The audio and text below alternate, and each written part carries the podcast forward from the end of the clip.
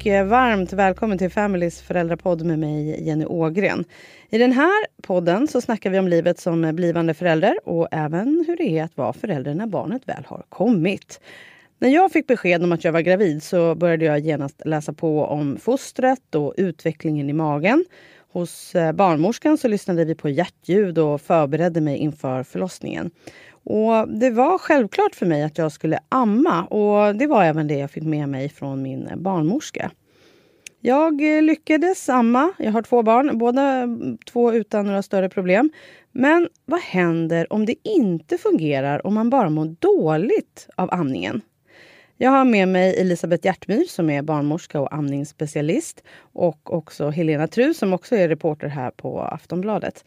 Elisabeth, eh, de blivande och nyblivna mammor som du träffar på, hur väl förberedda tycker du att de är på själva ammandet? Det är väldigt olika förstås. Eh, en del, för en del så går amningen så lätt redan från start för att barnet har kapaciteten att ta bröstet och det gör inte ont och ligger mycket nära och har rätt eh, tag och tungrörelse.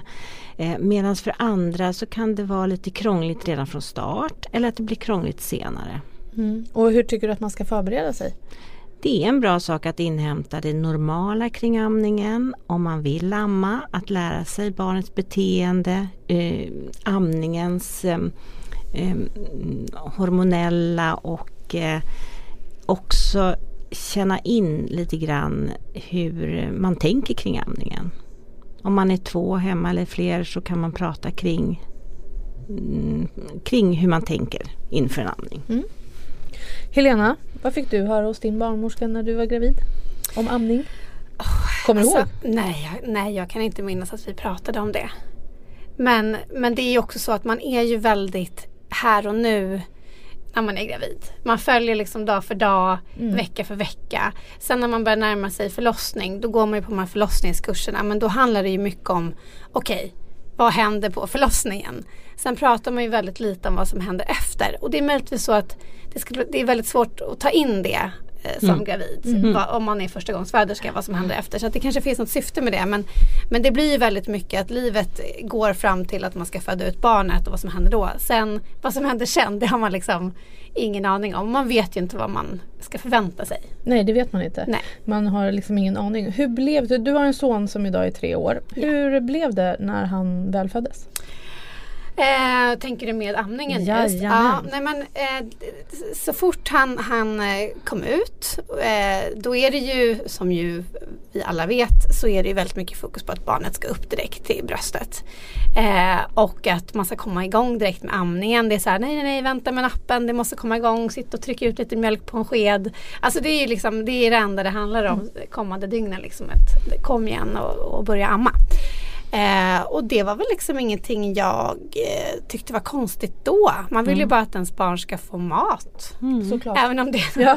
små små droppar som mm. kommer ut.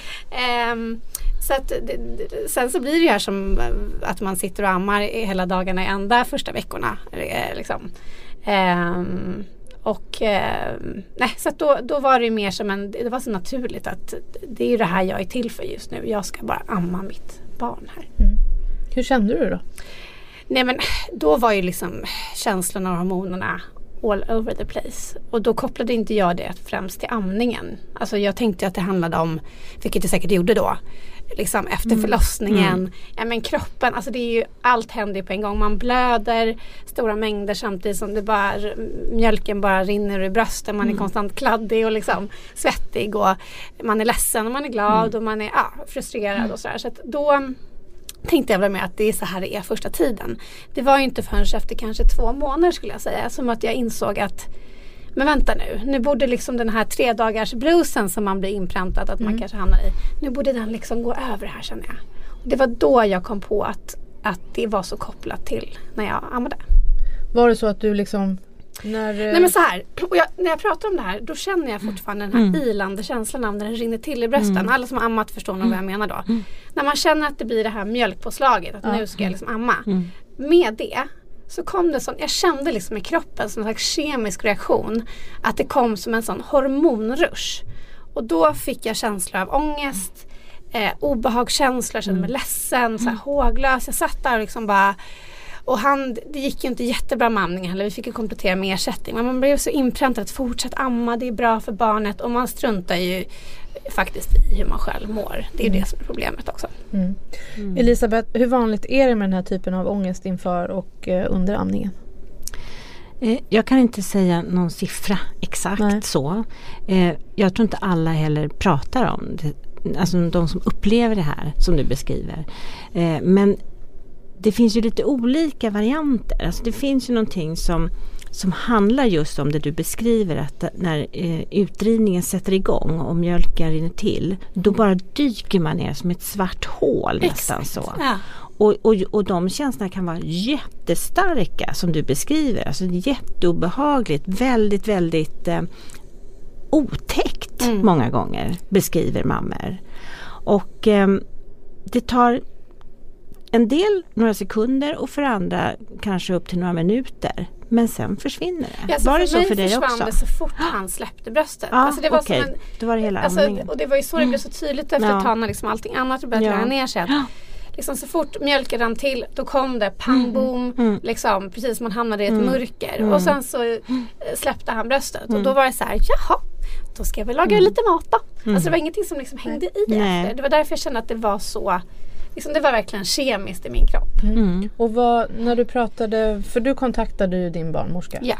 Och vad, vad, hur blev du bemött då? Ja, men jag blev bemött lite så här, jaha okej du känner så. Inte så här, ja ja det, beror, det är det här och här. Utan med ganska, inte så mycket svar utan hon ställde lite frågor. Och, eh, och jag kände väl inte riktigt att jag jag kände inte den här känslan av att okej det här är någonting som händer många, det är vanligt. Det var mer så här, jaha det här var, kanske var konstigt. Mm. Eh, och så blev jag då skickad till en psykolog som var på samma mottagning som, som eh, min barnmorska jobbade på. Och eh, han var liksom inriktad på mindfulness. Mm. Eh, så att jag kommer dit eh, och förklarar liksom vad som händer och försökte på något sätt få något svar från honom. Så här, vad är det som händer i min Mm. kropp? Liksom, Ja. Kan du förklara? Och han sa att nej, jag, jag har ingen koll på det här men jag tänker att du ska göra andningsövningar och andas dig ur den här ångesten. Mm. Och det roliga är att Mm. jag, man sitter ju där med totalt egentligen noll fokus på sig själv utan på sitt barn. Men man sitter ändå där och säger okej nu, nu ska jag försöka reda ut det här. Jaha okej jag ska andas mig ur det här. Jo men ja, okej. Så gjorde jag lite övningar med honom några gånger jag var där. och liksom när jag väl satt och ammade sen hemma. Alltså det här var ju ingenting jag kunde andas bort. Nej. Det var ingenting jag kunde göra för att det här skulle försvinna. Eh, det var så tydligt. Eh, och jag slutade gå hos den här eh, psykologen efter några gånger för att jag kände att det här, det här ger mig ingenting. Och sen så bara släppte jag det och fortsatte amma. Ja. Kunde inte barnen ha sagt till mig, sluta amma. Men Elisabeth, Mm. eh, hur vanligt tror du att nyblivna mammor liksom möts av den här attityden? Alltså det är ju så här att det finns ju inte alltid kunskap hos personal heller om det här tillståndet. Eh, och det är ju relativt nytt. Alltså det var väl i USA för kanske ja, ett antal år sedan men inte jättemånga år sedan ändå som man liksom satte lite ord på att det här förekommer. Och jag tror att det är en väldigt viktig sak att ni lyfter upp det här nu, att du berättar för att det kommer vara många som känner igen sig i det här. Eh, den här känslan. Och det är viktigt någonstans att inte blanda ihop det med en amningsdepression. Nej. För det är ju också jobbigt men det är ju inte kopplat så exakt direkt till eh, själva amningen. Eh, och sen är likadant, det jag verkligen vill sätta ord på också, att det inte har någonting med sin kontakt till barnet. För det är inte på den nivån utan det är, man vet inte riktigt vad det beror på. Det är också väldigt intressant efter alla dessa år. Det är mycket forskning inom amning. Men just det här vet man inte exakt. Om det har med eh, hormonet oxytocin som har med utdrivningen att göra eller om det är någonting annat. Ja det är det som är så fascinerande när man pratar runt. För när jag väl började prata runt med andra mammor så, här, så fick jag, förstod jag att okej, det är fler som har har eller har haft det här problemet. Men så finns det också de som av det här påslaget får sådana underbara känslor. Så man förstår ju liksom att det är så individuellt. Ehm, och det hade jag ju önskat att jag hade känt eh, när jag ammade. Men, eh, Och det är ingenting så man kan inte. styra. Nej, nej. Inte och det, jag kände aldrig det så är här att, att jag fick dåligt samvete eller kände så skam eller åh vad jag Nej. gör för fel. Utan jag kände hela tiden så här, gud det är som att någon går in och liksom trycker på en av och på-knapp i min kropp. Ja, jag kan inte precis. kontrollera det här på något sätt. Nej. Eh, Men som sagt, Mm. jag borde ju bara ha slutat amma. Det är ju liksom Mm. den enda slutsatsen. Ja, och det, det var ju det som ni frågade mig nu också. Ja. Men jag ville prata om lite andra saker Mm. också för att det är inte så enkelt alla gånger. Men det som är så viktigt när man träffar mammor som du då. Det är ju att lyssna in hur du mår och hur du känner och ge olika alternativ. För det kanske inte hade varit så att du hade direkt bara sagt ja eller nej hur du vill göra. Men du hade haft med dig det i dina tankar och känner du liksom att det här tar överhand, vilket du ju faktiskt gjorde. Och jag vet inte hur länge du ammade sen men det blev ju ja men det blev i sex månader ungefär. Ja, det är ju en lång tid Ja. och så många gånger som man ammar per dygn Ja, gud, och ju hamnar liksom- i de här. Så att det, det önskar jag ju att du hade fått stöd i att minska på amningen. Mm. Ja, Hur, hur blev det sen när du slutade amma? Nej, då, alltså som sagt, då hade jag ju inte de här problemen. Ehm, sen så jag menar, när man är mamma, det är inte så att hormonnivån, det tar ju ett tag innan kroppen är tillbaka till sitt normala jag. Ja. Om man säger så. Men det här liksom enorma påslaget som jag kände eh, och ångestkänslor och obehagskänslor, så här, det försvann ju helt när jag slutade amma. Ehm, vilket ju var jätteskönt. Men det kändes ju trist att liksom första månaderna skulle präglas av, av de här känslorna. Kände du att du hade liksom stöd eh, runt omkring dig? Att du liksom kunde prata med andra mammor till exempel i mammagruppen? Om, eller kände du liksom att det fortfarande är lite tabu att prata om det här? Nej, men jag har aldrig känt att det är tabu att prata om. Det jag kände var att det var inte så lätt att prata om för att det inte var de i min, Jag hade ganska många som var mammalediga samtidigt som mig men de hade, upplevde inte alls det här.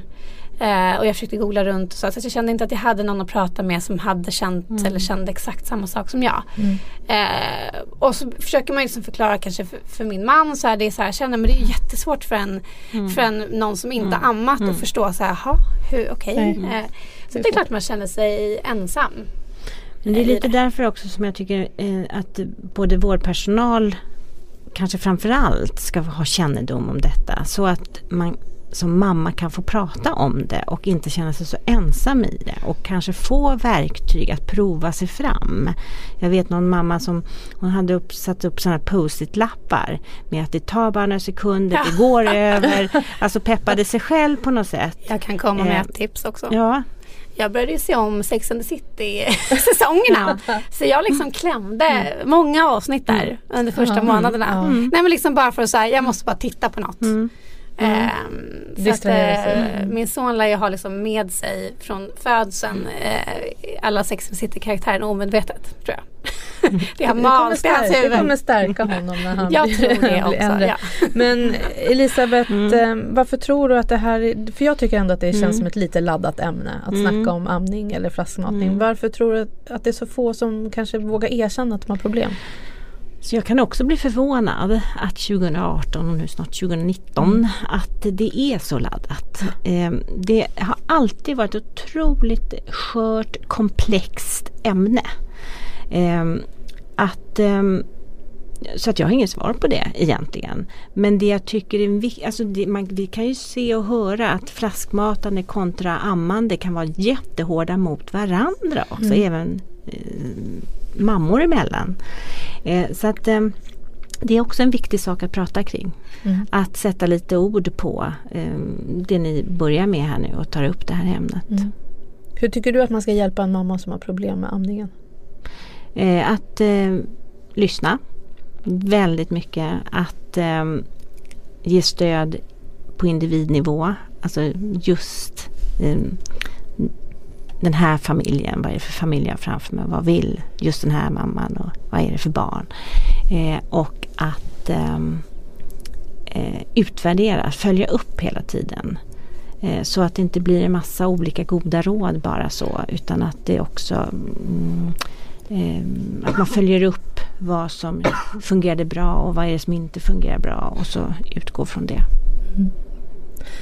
Helena, förutom att titta på Sex and the City under tiden du ammar för att få tänka bort ångesten. Vad har du för tips eh, till andra mammor som kanske precis känner som du kände när du ammade? Ja men det är väl, alltså försök, och det här är så lätt att säga nu i efterhand för jag vet vilket så här, vad man är inne i där i början liksom. Eh, men det är väl att försöka och tänka lite på sig själv. Alltså allt fokus från sekunden man blir gravid till egentligen livet ut skulle jag säga är ju att på att ens barn ska må bra. Eh, sen kommer man ju själv i andra eller tredje hand. Eh, men det är väl att liksom känner man att fast jag mår ju inte bra och, och man känner att till exempel det är kopplat till amning eller vad det nu kan vara.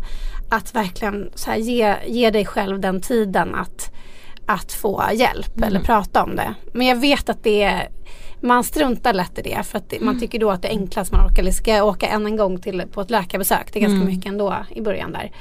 Men eh, och verkligen så här, försöka prata med sin partner och få den att förstå också. För att det handlar ju också om att få hjälp och förståelse från den man lever med. Att så här, när det kanske inte passar att ha besök idag. För om jag ska amma tio gånger och få liksom mina dippar. Mm. Då är det inte så kul att sitta dessutom med en kopp kaffe och liksom mm. försöka vara trevlig. Vilket man mm. gör. Mm. Gud vad man höll på. Mm.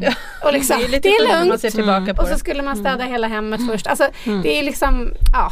Men det är som sagt, det är väldigt, jag vet att det är lätt att säga när man är ur det. Och det är svårt att göra när man är i det. Mm.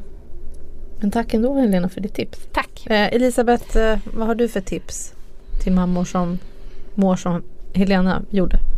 Att eh, försöka klara av att sätta ord på det. Att Eh, söka sig till antingen nära i omgivningen som man känner att man kan prata med eller eh, vårdpersonal på BB, på BVC eller på amningsmottagningar. Och är det så att man möts av oförstående eller okunskap, nu viftar jag lite med fingrarna här, men, men just att, eh, att det finns många mm, i hela Sverige som ägnar sig mycket åt amning och vi som är am mer amningsspecialister, vi känner till det. Ja, tack Elisabeth och Helena för det här. Och vill du höra mer om amning eller andra frågor som handlar om barn och att vara föräldrar så finns det fler avsnitt av Familys föräldrapodd där du hittar poddar. Tack för den här gången. Vi hörs igen. Jag heter Jenny Ågren.